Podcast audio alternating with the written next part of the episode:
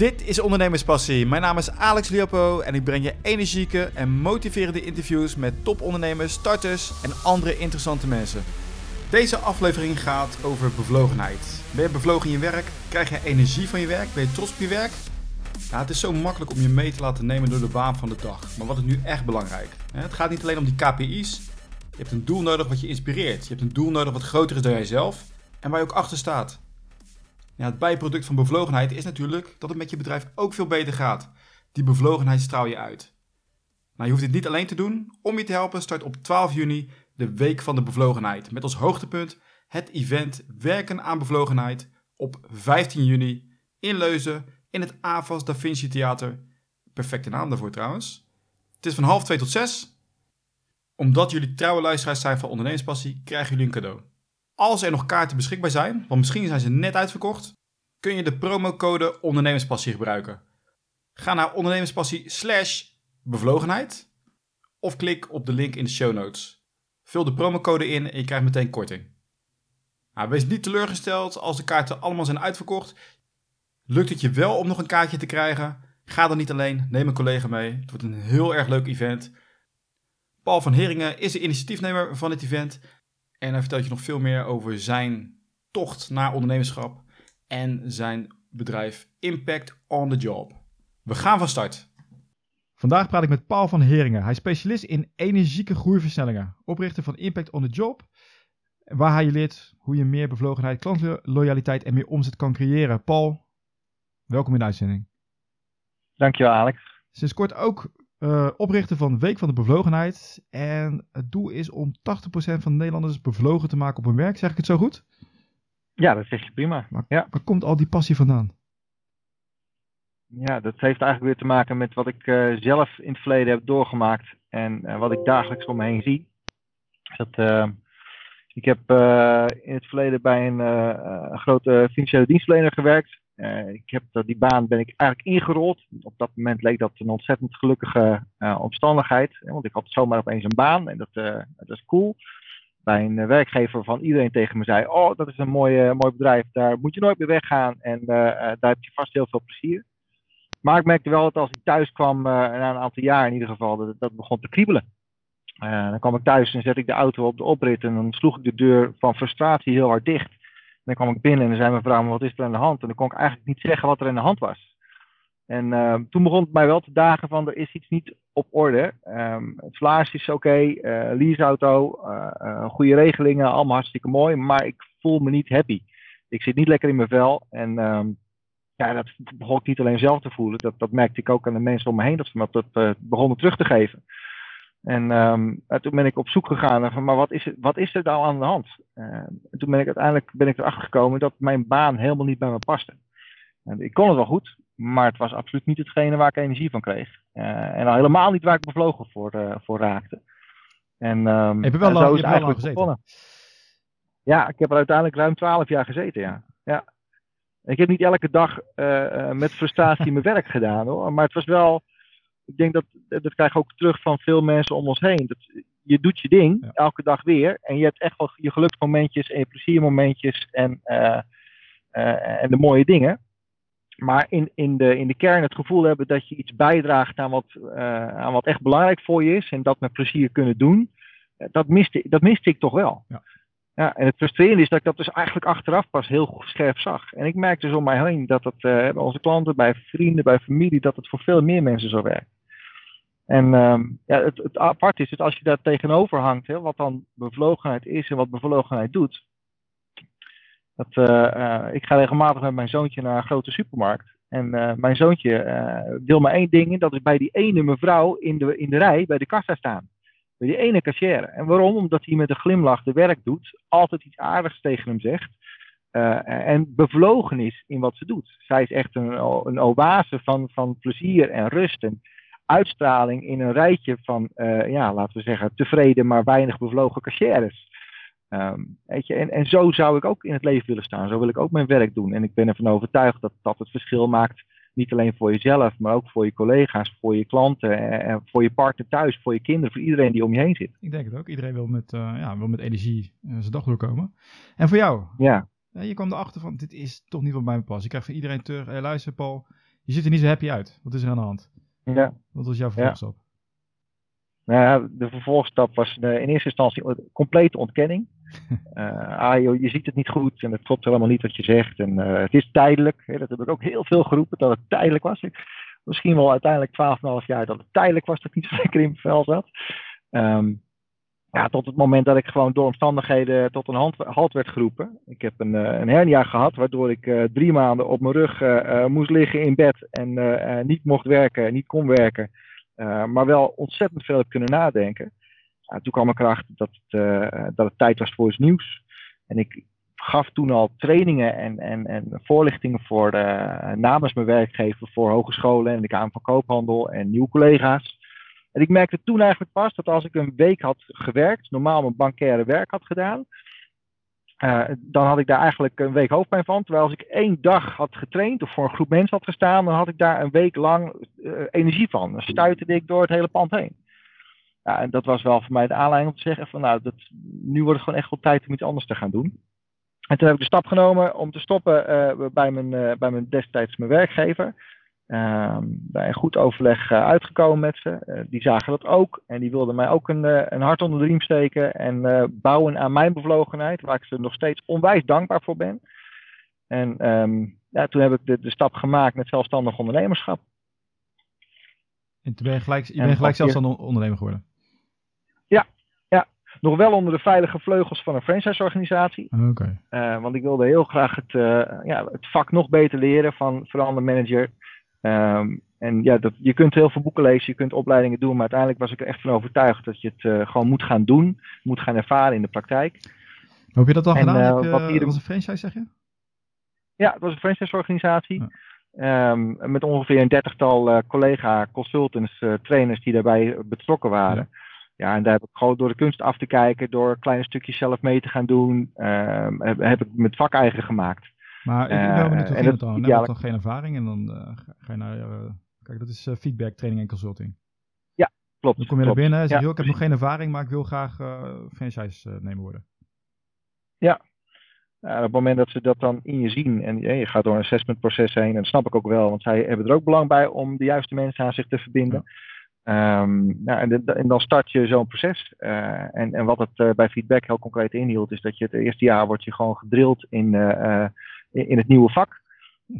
Um, door sessies te volgen, door interne trainingen te volgen, maar vooral heel veel door te doen.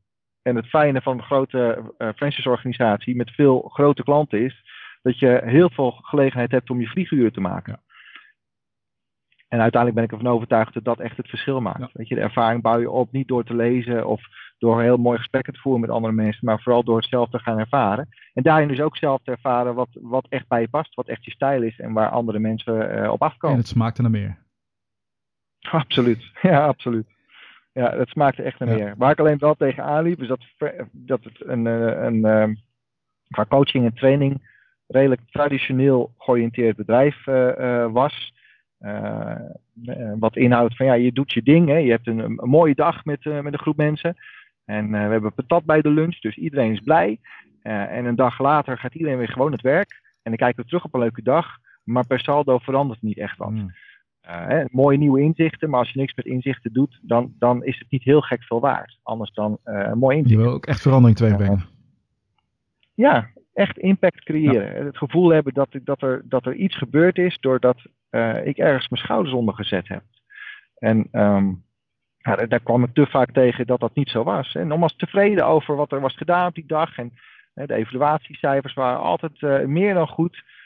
maar als er uiteindelijk niks verandert in de praktijk, dan vraag ik mezelf af, waar doe ik dit nou voor dan? Als ik geen lachende gezichten zie van klanten, van collega's, van uh, stakeholders op de, op de werkvloer, waar ik dan een week of twee, drie later nog eens terugkwam, dan vraag ik me af, wat hebben jullie dan gedaan? Wat, wat is het dan geweest? Wat is die interventie waard geweest? Toen begon het wel echt te, te, kriebelen van, ja, dit is niet de manier zoals ik uh, verder wil. En toen ben ik gestopt bij feedback. ben ik mijn compagnon tegengekomen, Ronald Warmerdam. En um, ja, samen zijn we Impact on the Job gestart. En je hoort al, de, naam alleen al zegt dat het, we zoeken een impact. En en ja, we, dat is ook het enige wat we willen leveren.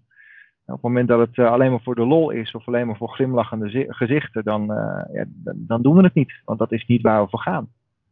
Oké, ik, ik snap helemaal. En hoe, uh, hoe ben je daarmee gestart? Je kompion? Ben je bedrijf gaan bellen? Van, hey, luister, willen jullie lasting change? Bel ons. Of kom, uh, komen wij langs?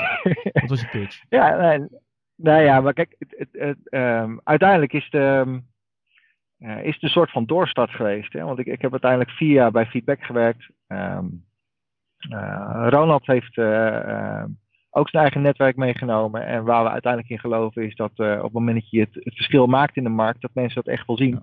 En dat die ook hun best voor je willen doen. Dus waar wij enorm mee gezegend zijn geweest, zijn mensen die, het, die, die ambassadeurs voor ons zijn. nog steeds. Uh, dus dat maakt dat koude acquisitie uh, in, de, in de zin van wat jij net zegt. je pakt de telefoon, je pakt een bellijst uit de van Koophandel, je gaat bellen en je probeert uh, bij de secretaresse er langs te komen om je pitch te doen bij de directeur. Dat hebben we gelukkig weinig hoeven doen. Um, ja, toch wel omdat mensen continu weer terugkomen. Nou, en heb je de eerste, hoe heb je die eerste mensen gekregen? Ja, ja, ja, ja precies. Nou, dat is gewoon ook het, eerlijk, het eerlijke verhaal vertellen. Uh, en waar wij sterk in geloven is het opbouwen van een persoonlijke relatie. Want het hebben van een zakelijke relatie is leuk, maar we vinden het ook wel erg prettig om te kunnen praten met de mensen om ons heen over de dingen waar het echt over gaat in het leven. Ja. Ja, over kinderen en over waar je warm voor loopt, over de sport, over ja, bevlogenheid, waar je, waar je energie van krijgt, maar ook wel op, waar je op leeg loopt qua energie. Uh, waar je het op verliest in je leven, waar, de, uh, waar je telkens weer tegenaan loopt. Um, nou, dan, dan, bouw je toch wel een band op met mensen waar, waarvan we altijd wel weer merken dat je kunt daarop terugvallen. Weet je, zo kan het ook best voorkomen dat er klanten zijn die ik twee, drie jaar niet heb gesproken. Uh, en dan zit ik in de auto en dan gebeurt er iets en dan denk ik aan ze. En dan heb ik me tegenwoordig wel aangeleerd om dan meteen ook even te bellen. Ja, goeie. Ja, want blijkbaar komt de gedachte niet voor niks binnen. En uh, het gebeurt niet zelden dat het dan uh, echt ja, op een goed moment is geweest. Dat mensen toch weer zeggen, nou kom eens even praten, want ik loop hier ergens op vast. Uh, ja, dat is natuurlijk heerlijk dat, dat, je dat vertrouwen in ieder geval hebt. Maar dat begint met een eerste klus gewoon heel goed uh, uh, doen. en dan met name voor ons geldt dan vanuit heel veel betrokkenheid. Oké, okay, dus je komt bij zo'n bedrijf langs, je hebt een aantal programma's zie ik. Purpose on the Job, 100 dagen challenge. Ja. Wat is, een, wat is nou ja. de vraag van zo'n bedrijf? eigenlijk is de kern van de vraag is nooit helemaal duidelijk. De kern van de vraag uh, is nooit duidelijk, omdat er altijd uh, laagjes overheen zitten. En die laagjes klinken altijd als de KPI's, zoals we die tijdens de managementopleidingen wel kennen. Hè. Er moet meer omzet gemaakt worden, of de marge moet omhoog, of we moeten meer klanten hebben, of de klantloyaliteit moet omhoog. Um, en dat zijn eigenlijk maar allemaal uitingen van wat, het, van wat een bedrijf werkelijk wil. En dat is namelijk meer toegevoegde waarde bieden aan hun klanten. Uh, en de grote vraag begint dan eigenlijk altijd al met, maar wat is dan werkelijk je toegevoegde waarde? Wat is nou het verhaal wat jij vertelt aan je klanten? Wat is nou de uh, ultieme dienstverlening die je biedt? Waar ontzorg je nou ultiem in? En dan blijkt helaas dat heel veel bedrijven dat eigenlijk niet goed weten. Uh, en of ze verwijzen naar een missie-visie-statement. maar dat is weer vaak niet inspirerend genoeg om te kunnen zeggen tegen je mensen: kijk jongens, dit is wat we doen. Dit is waar we aan bijdragen. Uh, en als je, dat, als je dat niet hebt, dan is het ook lastig om, uh, uh, om, om dat verhaal te vertellen. Zowel aan je klanten als aan je medewerkers. En waar je dan op vastloopt, is dat medewerkers eigenlijk niet meer goed weten waar, waar doen we het nou voor binnen het bedrijf. Die worden vaak afgerekend door een drie maandelijks gesprek met de manager. Ja, ja, ja, en dan word je afgerekend op KPI's. Hè? Dus op onvoldoende klantcontacten, op onvoldoende uh, marge, op, je, hebt te veel, je hebt te veel geld weggegeven of te weinig geld verdiend. Ja. Um, terwijl mensen eigenlijk zouden moeten afgerekend worden op hoeveel initiatief heb je deze maand genomen om het verschil voor onze klanten te maken. Ja. Zodanig dat wij het ook daadwerkelijk willen. Hoe ziet zo'n traject eruit? Is dat één dag? Is dat een week? Is dat meerdere weken? Nee, het, het Purpose-programma uh, duurt ongeveer, heeft ongeveer een doorlooptijd van ongeveer drie maanden. En dat heeft ermee te maken dat we met verschillende partijen in de organisatie spreken, omdat we echt het DNA van die organisatie willen herkennen. Um, en, en, soms volstaat het uh, achteraf gezien met, met één gesprek met een, met een oprichter, die eigenlijk als hij echt goed terugkijkt naar zijn, naar zijn start, er echt wel van overtuigd is dat hij weet wat hij wil. Um, maar het gebeurt ook heel vaak dat de oprichter niet meer in beeld is, uh, dat er inmiddels wat management zit. Uh, en iedereen heeft zijn eigen beeld uh, over wat een bedrijf, waar ze voor staan. En ook hier, de mensen praten elkaar zo ontzettend na.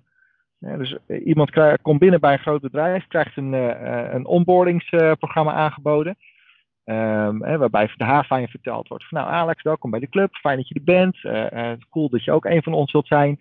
En dit is wat we doen, dit is waar we voor staan. Um, en wat er gebeurt is dat je uh, bijna als vanzelf dat onboardingsprogramma uh, gaat napraten. En dat is niet hetzelfde als in je hart voelen waar je het voor doet.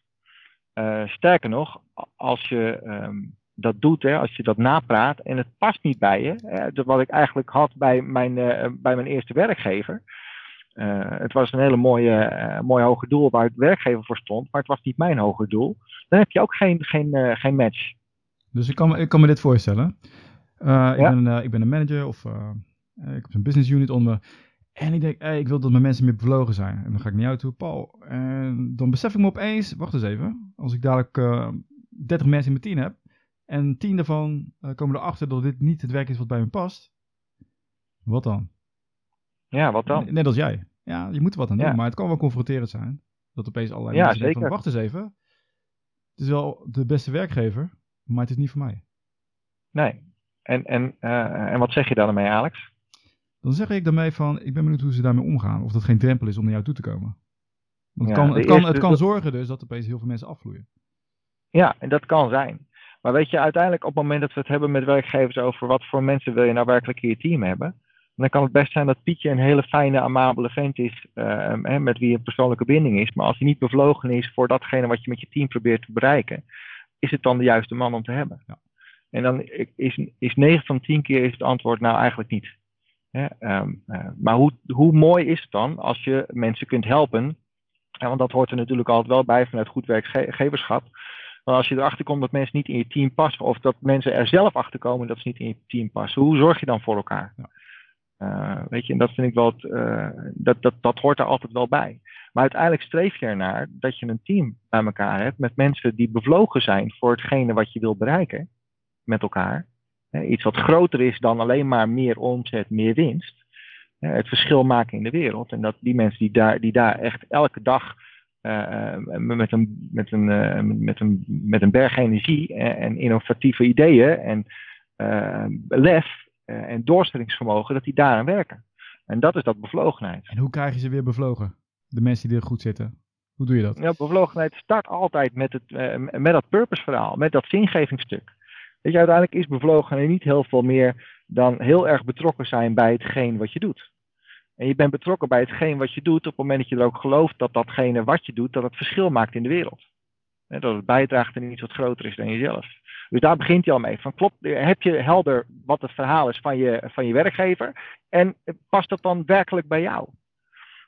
En uh, punt twee is, uh, als je dat dan weet, hoe kun je daar dan maximaal aan bijdragen? Ja, en voor heel veel mensen geldt nou eenmaal dat ze het meest optimaal functioneren op het moment dat ze plezier hebben in wat ze doen en datgene doen waar ze goed in zijn. Ja. Dat, uh, en dat is dan vraag 2. Zitten jouw mensen wel op de, op de plek waar ze moeten zitten? Um, heb je ook het lef om in te grijpen in je team en te kijken. Uh, kijk, we hebben wel rolbeschrijvingen, functiebeschrijvingen, functiehuis en dat soort zaken. En het is allemaal helemaal prima dat je dat hebt.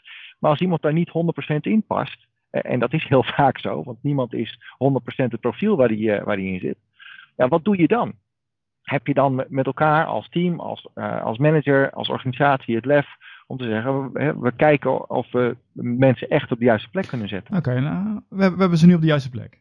Alleen, ja. hè, misschien door, uh, heeft het management het niet goed gedaan, uh, dankzij bijvoorbeeld hoger management die weer hun KPI's door, uh, doorsluizen naar beneden. Dus iedereen zit misschien in een angstcultuur of ze zijn helemaal niet meer bezig met plezier. Ze zitten wel op de goede plek, hè? dat is nu even de aanname. Ja. Hoe krijgen ze weer ja, bevlogen? Ik zie op je site ook staan, je gebruikt inzichten uit de neurowetenschap en sociale psychologie. Mhm. Heel benieuwd. Wat is de aanpak? Ja, nou, kijk, de aanpak aan zich uh, um, verschilt van casus tot casus. Dat heeft weer te maken met de vraag die er uiteindelijk onder ligt. En, maar wat we wel zien is dat uh, een van de neuroprincipes is dat bevlogenheid uh, werkt enthousiasmerend op de omgeving om je heen. We hebben allemaal te maken met, we hebben allemaal spiegelneuronen, dus we kopiëren het gedrag van de mensen om ons heen. Uh, als je in een organisatie komt, dan binnen een maand of twee, drie, dan doe je exact wat in die organisatie normaal is. en dat doe je niet heel bewust, maar dat, dat, dat, dat, dat doen je hersenen.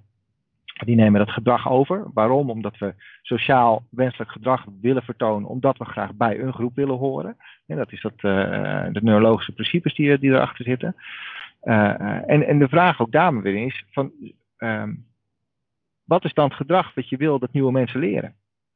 Eh, op het moment dat iemand bij jou opnieuw bij je binnenkomt, is dat dan, uh, en je werkt hem in, wat wil je dan werkelijk dat hij, dat hij meekrijgt van je?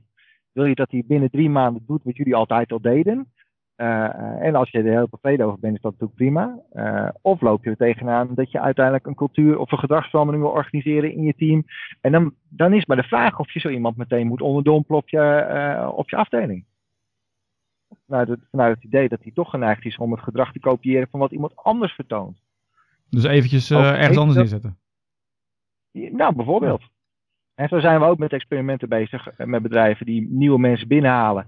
Uh, en ze heel bewust niet uh, op de werkvloer neerzetten bij collega's die het werk al twintig jaar doen. Simpelweg vanuit de gedachte dat ze anders heel snel geneigd zijn om dat gedrag te kopiëren. En ook daar weer, hè, we zijn geneigd om uh, waarde toe te kennen aan autoriteit. En iemand die al heel lang het werk doet, zien we al heel snel als een autoriteit in het werk. Die zal wel gelijk hebben, dus ben je geneigd om dat na te gaan doen. Om dat aan te gaan nemen. Nou omdat, en de mensen die daar uh, zitten, die gaan het je kwalijk nemen waarschijnlijk als jij komt met je nieuwe ideeën.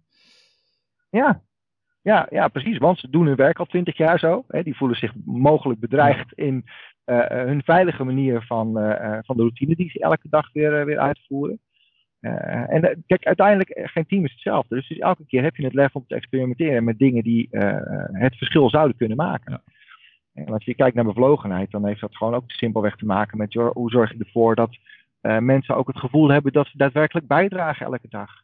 dus maak je zichtbaar wat het resultaat is waar je met z'n allen aan, aan, aan, aan werkt. Hoe zorg je ervoor dat mensen zich vitaal kunnen voelen. Hè? Want dat, dat heeft er ook mee te maken. Als je niet lekker in je vel zit, is het een stuk lastiger om bevlogen te zijn. Hè? Zo zijn er initiatieven van uh, bedrijven die uh, sportscholen intern opzetten. Of met elkaar gaan hardlopen. Hè? De, de, de, Europa Run of de, de, de Van Dam tot Dam als, als team. En het is een, een klein middeltje om bij te kunnen dragen aan de vitaliteit van mensen. En daarmee de kans op bevlogenheid te vergroten. Hoe hou jij het bij? Hoe weet jij van, nou, mijn training heeft geholpen? Um, de KPI. je, ja, je kunt, bevlogen, je kunt bevlogenheid meten. Althans, je kunt, uh, uh, je kunt dat als een barometertje kun je dat ophalen. Hè. Dus je hebt de bevlogenheidsmeting uh, van de Utrechtse Universiteit. ontwikkeld door Wilmar Schofely en Arnold Bakker. En dat is een meting. Die kun je gewoon laten doen door, door je medewerkers. Dat zijn negen vragen.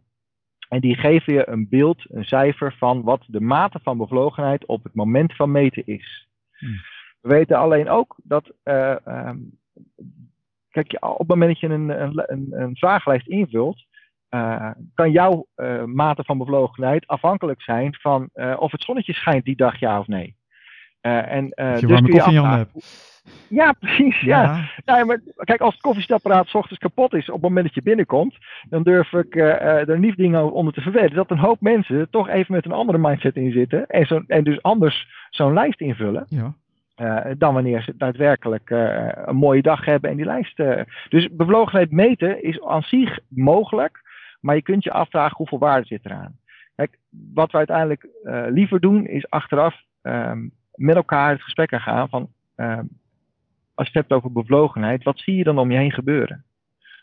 Die ene dame waar ik het net over had bij die supermarkt, is het gebleven bij die ene dame die met een staande glimlach de langste rij heeft van iedereen. En niet omdat ze de werk het, het meest traag doet, maar omdat iedereen graag bij haar in de rij wil staan. Kijk, als je, daar, als je dat kunt kopiëren, uh, dan ben je echt goed bezig. En dan kun je een prachtige survey uitzetten en uh, bevlogenheid meten. Maar is dat dan ook werkelijk wat er is? Ja. En dat is het verschil wat je klanten ervaren, wat je collega's ervaren. Uh, en dat is, dat is het verschil wat onze klanten willen zien in de praktijk. Ja, dus ja, we meten het, ja, we geven het terug. Uh, en ja, we zien ook regelmatig dat we uiteindelijk zeggen van ja, weet je, het echte verschil zit hem in de merkbaarheid uh, van de dagelijkse uh, gang van zaken. Hè, um, nou, ik snap het wel. Hey, ik wil ja. even met je hebben over de Week van de Bevlogenheid. Mm -hmm. Week van de Bevlogenheid.nl voor de mensen die daar meer, veel, meer over willen horen. dat is een event, ja. donderdag 15 juli ja. 2017. ja. Binnenkort komt dat, aan. Zo is het. Komt allen, komt allen. Nee, waar het mee begonnen is. Ehm, uiteindelijk is hetgene wat wij leveren, is bevlogenheid. Uh, vanuit de gedachte dat bevlogenheid zorgt voor uh, betere samenwerking, meer innovatie, meer omzet, meer klantloyaliteit, tevredenere medewerkers, lager verzuim. dat, dat, dat, daar, daar zorgt bevlogenheid voor. En daar zijn we van overtuigd. En vanuit die mindset kijken we ook naar de wereld. En zo kwam ik september vorig jaar kwam ik opeens de week van de werkstress tegen, vanuit de overheid georganiseerd. En toen dacht ik, hé, dat is eigenlijk wel raar. Dus je, je, je, wil eigenlijk geen werkstress want het is uh, beroepsziekte nummer 1 in Nederland, maar toch roep je de week van de werkstress. Dat vond ik raar. Dus daar hebben we een blog over geschreven. En uh, daarover hebben we gezegd, van, eigenlijk moeten we dat omdopen jongens. Dat, dat kan toch niet? Je moet je richten op wat je wel wil. Dus laten we de week van de bevlogenheid noemen. En daar krijgen we zo, zoveel goede reacties op, dat we uh, eigenlijk ook wel dachten van ja, nu moeten we er wat mee. en dat is uiteindelijk het initiatief de week van de bevlogenheid geworden. En wat we met de Week van de Bevlogenheid willen nastreven, is dat in uh, 2025 80% van werkend Nederland bevlogen en trots is. En ja, dat is een hele grote doelstelling. En dat kunnen we natuurlijk nooit alleen. En daarvoor is nodig dat elke leidinggevende, elke medewerker in Nederland zelf kijkt naar wat is bevlogenheid en hoe kan ik dat zelf organiseren of hoe kan ik dat voor mijn mensen organiseren. En um, dat gaat natuurlijk het hele jaar door. Het gaat niet om een week in het jaar waarop je het, eh, waarover je het hebt met, met elkaar over bevlogenheid. Het gaat erover dat je het hele jaar met elkaar praat over bevlogenheid. Alleen de week van de bevlogenheid biedt wel een podium, een mogelijkheid, een kapstok zo je wilt, om met je team het gesprek aan te gaan. Jongens, van 12 tot en met 16 juni is de week van de bevlogenheid. Wat doen wij er nou eigenlijk aan? Hoe bevlogen zijn wij nou eigenlijk? Wat zou het voor ons het verschil maken als we daar wat meer tijd en energie in zouden steken? Voor, je is, uh, is het de bedoeling, die komens? Of gewoon iedereen die wil? Ja, werk in Nederland. Werk in Nederland. Ja, werk, in, werk in Nederland. Hoeveel plekken is er? Ja, maar weet we hebben uh, uh, met dank aan Bas van der Veld van AVAS hebben we ruim 250 plaatsen in het AVAS Theater in Leuzen. Dus ja, daar, daar, kunnen mensen terecht.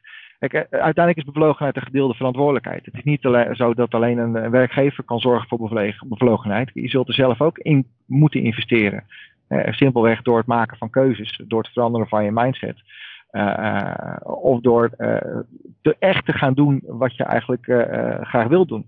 En dat kan jouw manager, kan je dat gesprek wel voeren, maar uiteindelijk zul je het zelf moeten doen. Dus werknemers zijn net zo welkom als leidinggevenden. Um, en waarbij het natuurlijk best wel kan zijn dat je als leidinggevende misschien net wat meer impact hebt op, ja. de, uh, op de omgeving. Nou, dat is de persoon dus, uh, waar, waar, tegen iedereen gaat spiegelen. Dus wat je net ook zei, uh, hè, komt een nieuwe medewerker binnen, die gaat kijken naar de leidinggevende. Dus die moet dat uitstralen. En dat kan ook wel een dingetje zijn. Ja, daar begint het natuurlijk wel mee, ja. Je hebt een aantal sprekers. Kan je daar wat over vertellen? Ja, we hebben um, een drietal sprekers uh, uh, benaderd en, en, en, enthousiaste reacties van teruggekregen.